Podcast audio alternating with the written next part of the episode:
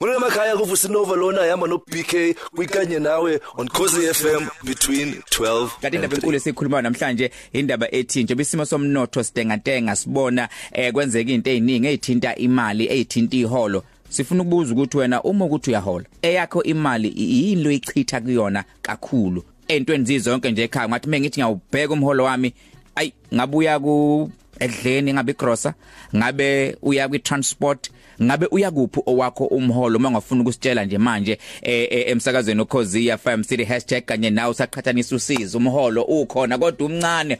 Hey madoda sempini nama ngazi kwenzakala kodwa sikhulume sifuna ukuza ukuthi owakho umholo usebenza kanjani? Okay likhumalo uthi nawe uyabona sempini simo somnotho siyantengatela Bingelele lapho BK Hayi mina mangiholile bra wami hamba ngithenga ukudla. Ngithenge nezinto zezingane maseke lenye imali engisuke ngiphethe encane vele yami ngisuke sengicengile eceleni nje yami nje eyogroove. Ngoba phela hayi ngiyagroove impela lenenye ke mase ngibambisa umuntu la ikhaya ngizoyibona sengiyisopa mhlawumbe Monday. Ya usikhumbuzo wafilakazi lo wesaka mthethe cinci Awu kwesaka mthetho mkhale. Cinci yazi ukuthi yabona ukukhuluma iqiniso kumpetha hayi ngithatha imali yami ngiyinikeze ubana ngibambele uyazi naye ngiye ngithi noma sengifuna ngiphushe ngithi gaga phansi ngoba usukazi kahle izivumele enti ngeke. Ngize ngimnike le mali ngiyoze ngimnike sesope nomsungishayele kodwa ungisizile. Buku siyangisiza manje. Umlade sikhuluma naye la eh kade ngelile la lomlaleli uyasithetha yena ke yakhe imali iya kakhulu ku online shopping. Uthi iIV imbulala i-online shopping. Imnandi ngoba eh, uza isebenzise njengento achitha ngayo stress eh lapha ke online shopping. Ngoba uyiqhathanisa nesitolo esijwayelekile usuke uzongena wena ugibela uze uyofika esitolo uthatha itroll uhambe ukhathala wehle benyuka ufune into ozoyithenga. Kanti kwi online shopping uvela ungene nje bese uyangena lapha kwi site ubonto nayi le site leyo kuyona eh ofuna ukungena kuyona bese uyabheka ke izinto ezifunayo uthatha isikhathi eh ubheka empeleni into lo uthi uyayithanda eh emva kwalokho bese uyayithatha kuyifaka kwi trolley ibizwa ngecard kuthiwa icard itrolley yakhona. Bese uyayilinda uyayibeka lapho ulinda ukuthi uze ube nemali. Konele kwangena imali bese uyagijima ko siyobheka online shopping ukuthi yini wayibekile laphana hawu. Bese uyayithatha njalo. So kuyena uthi iyona into athanda ukuyenza futhi uyabona ukuthi ngendlela eyona isinakho ukuthi imngene ngoba useyichitha nje useyisebenzisa njengento eh achitha ngayo stress kanti ke eh ithanda ukuthi ke ibe ingozana ngoba phela imali yahamba noma ke ingahambi same time kodwa after 2 days singena iSMS ukuthi wena uthengile. Yeah. Kodwa ke mawubhekisisa eh, indaba ekhunywa kakhulu indaba ethinta i stay home economy nje abantu behleze ekhaya kwi lockdown eh abantu bangena kakhulu eh lapha ke entweni ezithinta eh lapha ke i online kakhulukazi yona ke online shopping. Kanti abantu abafana neAmazon kade sibheka nje kuthiwa imali yabo inyuke kakhulu 108.5 billion. Eh ngicabanga ukuthi ke ibona abantu abazuze kakhulu nje bathina sikhahlamazekile nje ngenxa eh lapha ke COVID-19 ngenxa ukuthi abantu abaningi sebesebenzisa eh yona ke i online kumbe u shopping eh online. Yeah injalo indaba. Kodwa nala ngiyabona ke bayasithumelela ama VN baqhubeka nesihloko lesithi sikhuluma ngaso eh esithi ke wena yakhe imali yapi nayo ngabe ushopha online? Angazi kodwa ke sizwe la ama VN eh ukuthi bathini. Sawubona BK igama lami nguNozipho Gaqa Mjwara eRich mina owami umholo uya kakhulu ezitokufeleni ngoba ngikholelwa ekutheni ngisave ukwenzela ukuthi ngoDisemba ngikwazi ukuqaqeka ke nami sengenza izinto. Mm hey ungasho iphinde ukuthi hey lo mholo omncane. Yazi uvela uphele nje usathi utha ngiholile bom usune stress futhi usenamali. Ngiyabonga. Eish ingcono kodwa le stock fela ngoba uyonga wongela ingomuso. Kunokuthi imali ingene iphume nje ake sizomunye Sanibona BK Hey ukhuluma noDuduma Mkhiza kwaZonde Nkanyezini wayikhuluma indaba enkulu indaba yemali. Eish Hey uhole kuba ngazi ukuthi awukazi uhole lutho. Uyashaya umhla ka5 awusani angisho. Hey kunzima ukuphila. Mina BK wami nje umholo nguqeda ekudleni. Hey kunzima kunzima. Ngiyabonga. Ey and mosabheka inyanga njengamanje sakhomba umhla ka4 kuMay inyanga ibe phansi uthi uyiphosela ihili ngaphakama uthi uyiphosela ilati ngaphakama uthi uyophela nini inyanga ingane zila?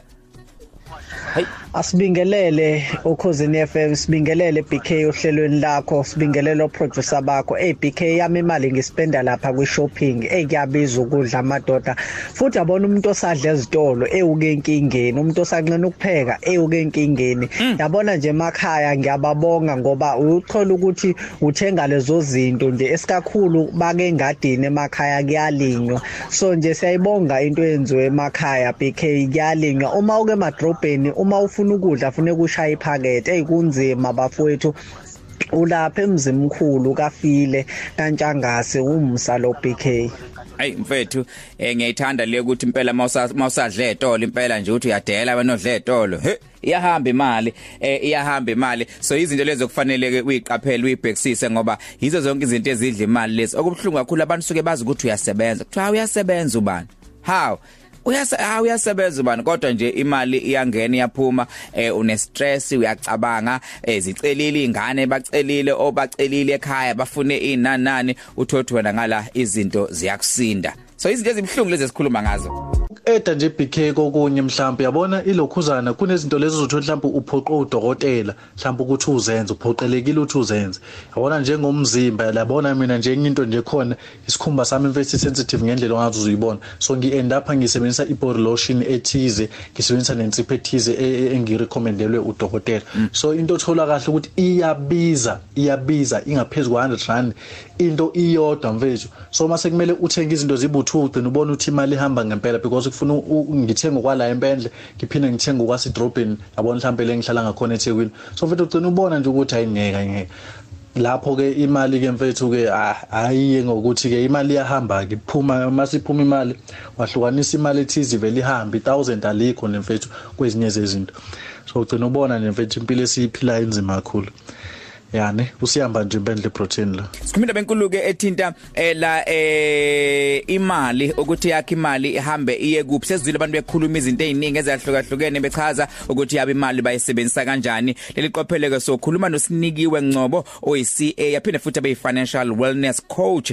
Ya ngiyathanda ukizwa le financial wellness coach ngoba ngazi uClive Barker beno coach. Eh uzosicazela kangcono. Phonova sikubikelele eh sikamukele sakazele khosi FM nginibingelele balaleli nawe BK ngithemba ukuthi wonke umuntu uphilile emakhaya. Ngiyajabula ukuze izinto zabalaleli bethu hayi imali yesebenza kodwa mawubuke lengwadla ingakanani nje singakayichazi le yelokhuzana ye-financial wellness ukuthi ihluka kanjani kwi-financial advisor ukuthi inkulu kangakanani lenkinga yabantu bekhala bebesebenza kodwa futhi bebexakekile inkulu kakhulu lenkinga ngoba ngiyaye ngibone nje uma kune-strike ikakhulukazi sine sibhiyoza ngithi sisho ukuthi hayibo sifuna phela amaholo athuluka kanti umnotho nawo awukho awujubeli kanti kuyaye kube nzima futhi ngoba abalaleli emakhaya sonke hlezi kungathi imali ngathi kwanda kanti ungabona ukuthi nje esikhathini samanje i-research yaveza ukuthi bambalwa abantu abakwazi nje ukubhekana nenkinga ezelayo esithubeni. Mhlawumbe uthola ukuthi kunzima nje ukuthi uma uselwe imoto uyilungise. Ngoba nje imali mhlawumbe awunayo imali uyongile. So nje siya ziningi inkinga esibhekana nazo ngenxa yokungabi imali eyanele mhlawumbe engabe siyisevile noma siyongile. Kodwa ngiyazi ukuthi abantu abafana nani ababizwa ngama eh, wellness coach eh, kumbe financial wellness, eh, wellness coach abantu esingabalekela kubona. Kodwa mhlawumbe siqale siyicacise le ukuthi ihluka ngani bathina sazi financial advisor. Okay.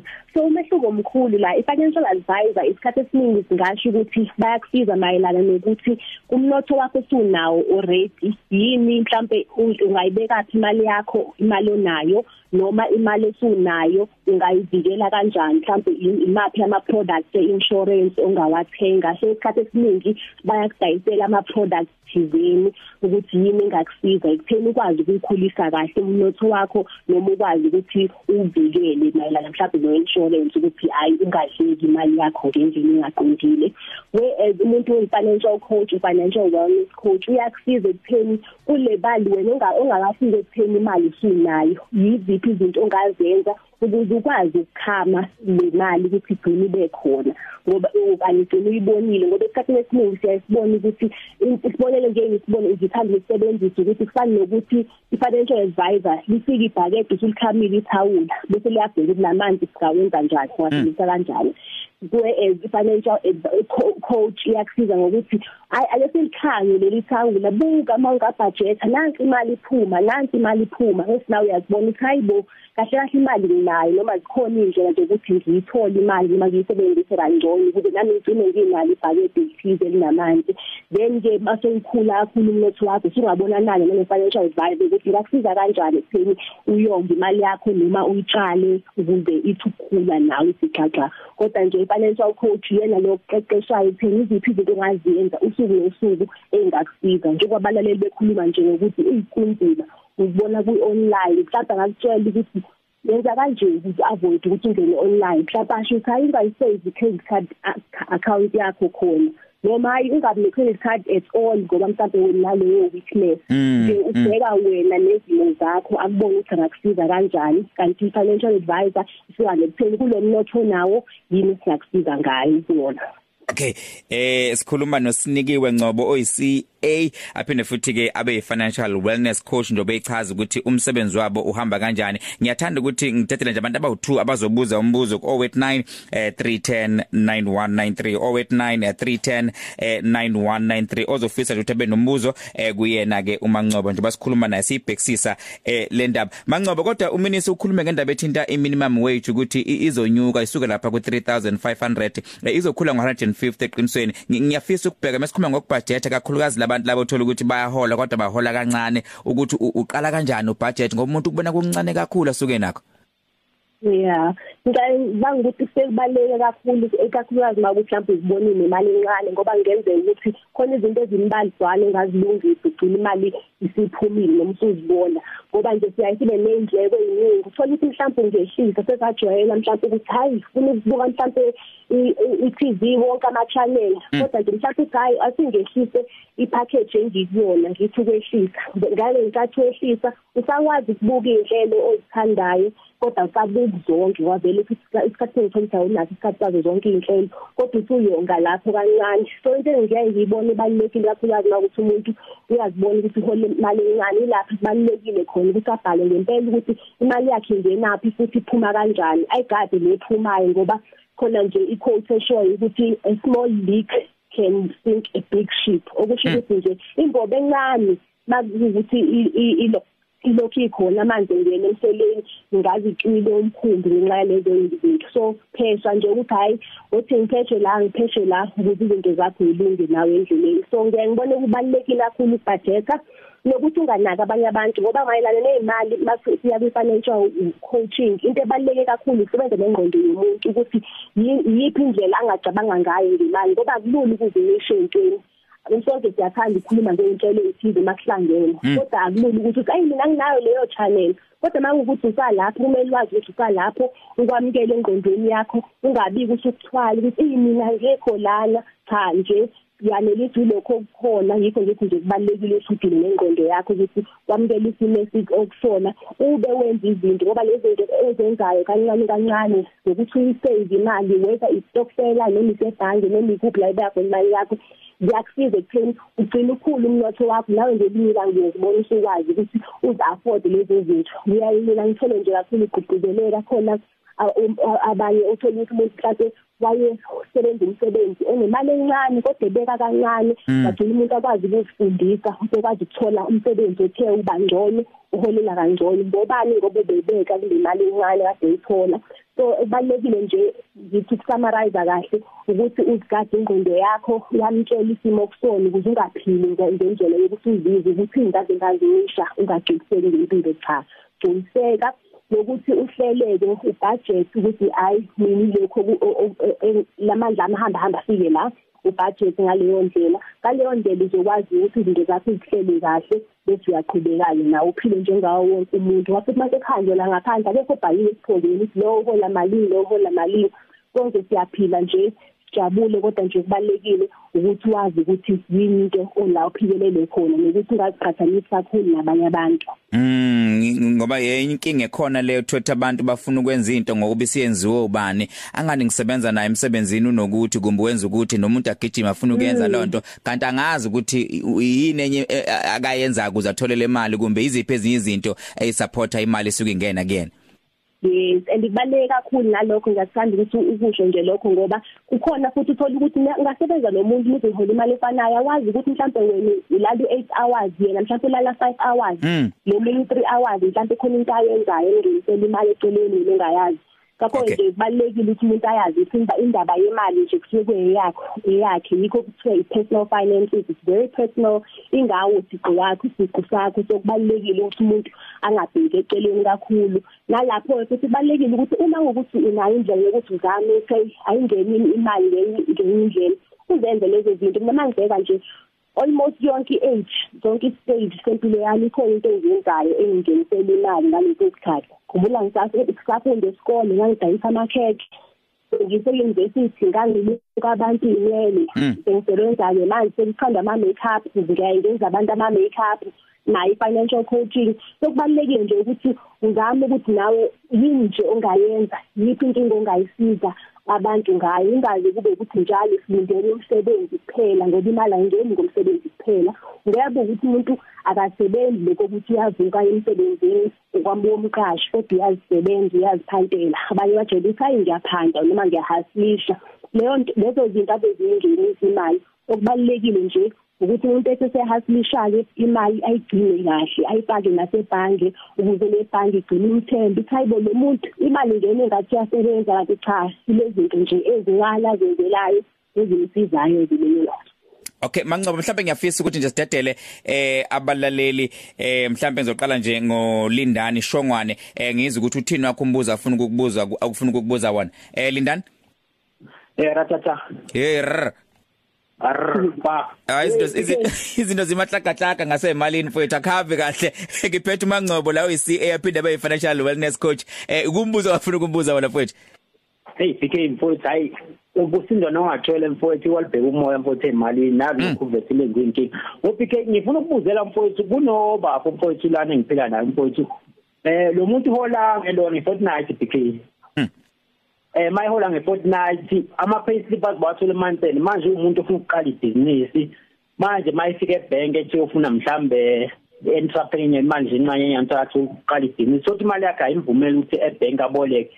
Bathi akavule izikweletu wazivula isikweletu wathi wacula isikweletu nangakusakhona ukusikhokha. Manje angazi lo muntu angasiza kanjani eBK Okay mana ngaphambi ukuthi Dede Lindani ufuna ukuza kahle? Mangcobo mangcobo utholile lo mbuzo Yebo ngizwile. Okay. So, umngani unomsebenzi.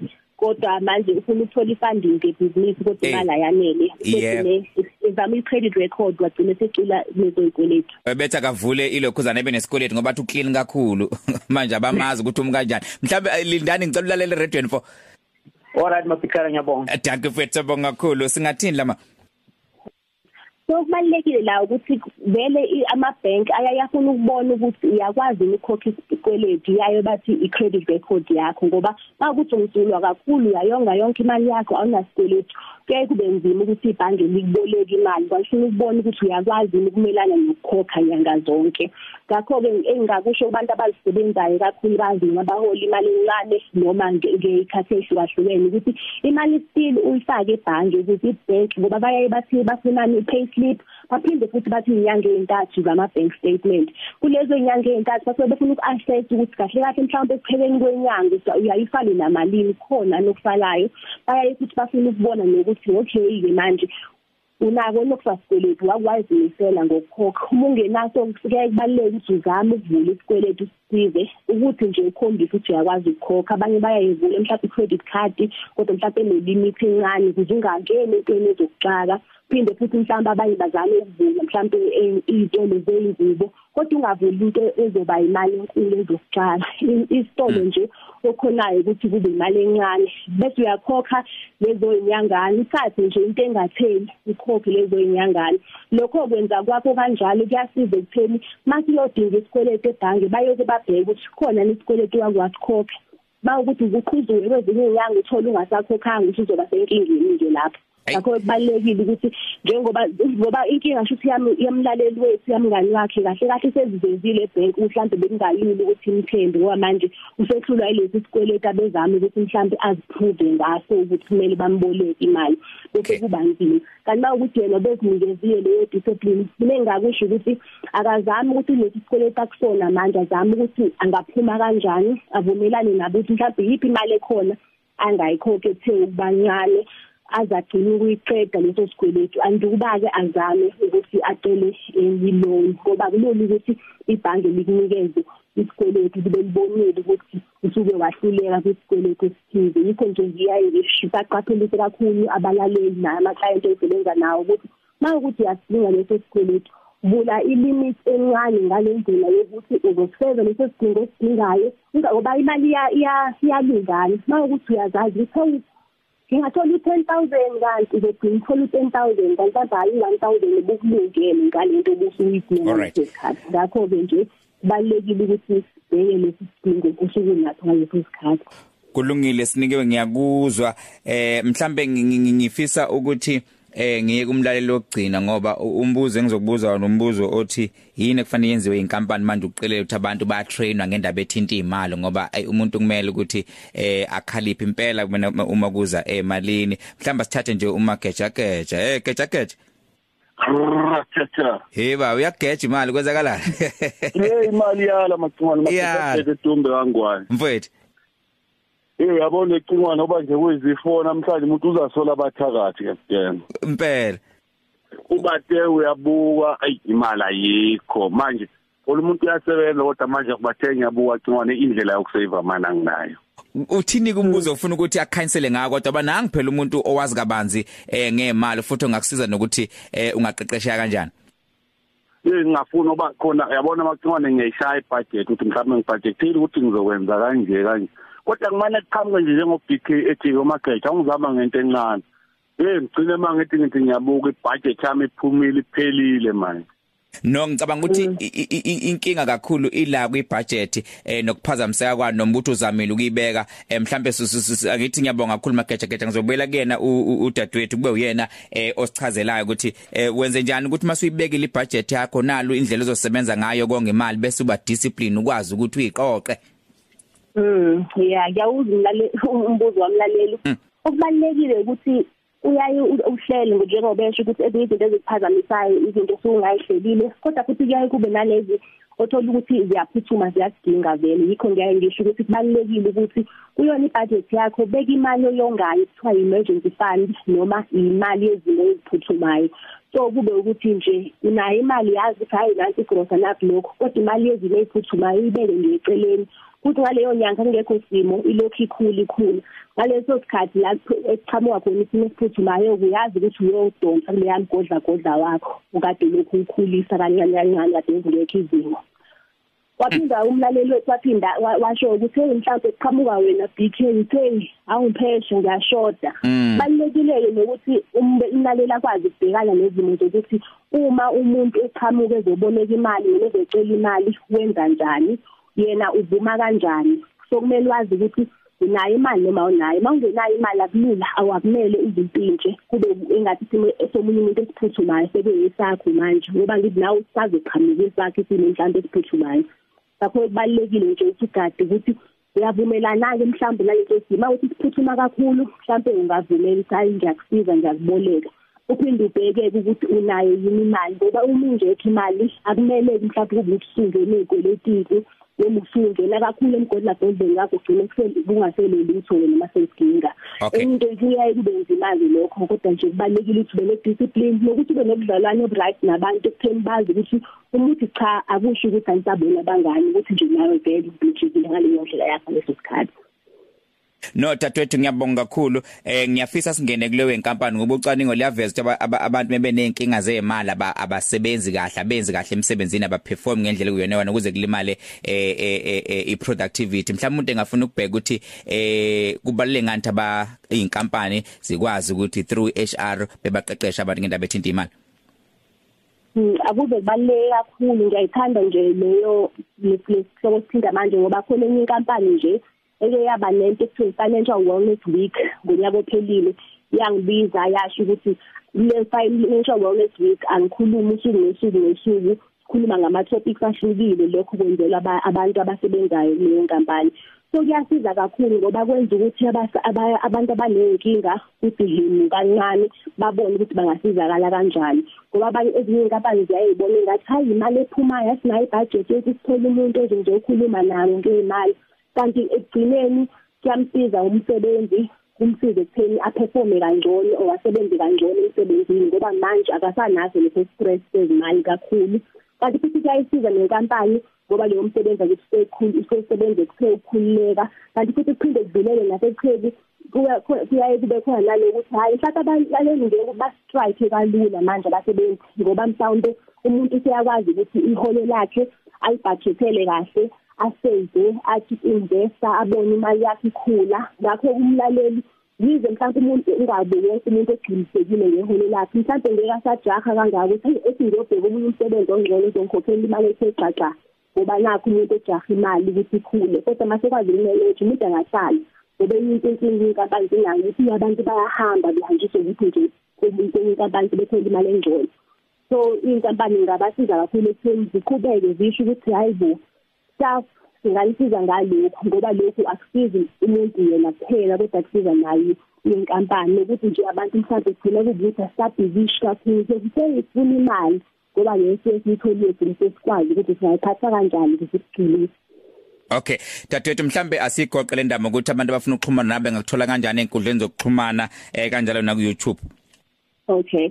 So mina ngiyatholakala ezinkundleni zokuxhumana kakhulu ngusinikiwe Ngcobo ku YouTube nginawo nje ama video ngiyasho ukuthi nazi ama mistakes mhlawumbe sayingaye ngawenza mayelana nemali ngisho mhlawumbe ukuthi napha ama banking products angakusiza ufuna ukonga imali.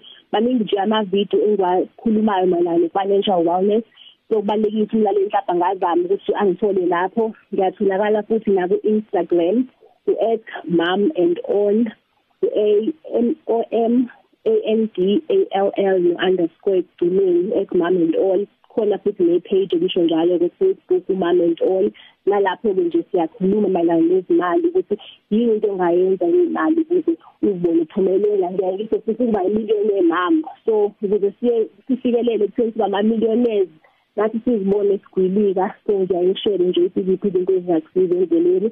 Kanti futhi mawukuthi umlaleli mhlawumbe khona abasebenzisa bakhuluma kakhulu mayelana nokubhajetha sinayo i-template yokubhajetha ukuthi kahle kahle ngasa nale template engithumela yona bese ngiyazifakela iy'mali zakho ukuze uzibone ukuthi kahle kahle imali yakho umi kanjani nokuthi uhlela kanjani. So umlalela nga-email-ako methisa lokho u-info at momandall dot com so info wa-i n f all m o n a n d a l dot com lapho ke kuzothumela i-budget template bese yakwazi ukuthi ibudget kahle uhlele ubone ukuthi yini ethe ubankulu kunezinye futhi kuyiphisa ubone nje ukuthi yayikhama kanjani le ithawulo ngoba khona manje khona umnotho phakathi ukuthi nje kumele sikhama uphume. Okay. Siyabonga kakhulu ma kakhulukazi leli thawula eh siyabonga kakhulu sisinikiwe Ngcobo. Yena iCA besikhuluma naye namhlanje. Emakhaya kuvusinova lona yama no BK kwikanye nawe on Khosi FM between 12 and 3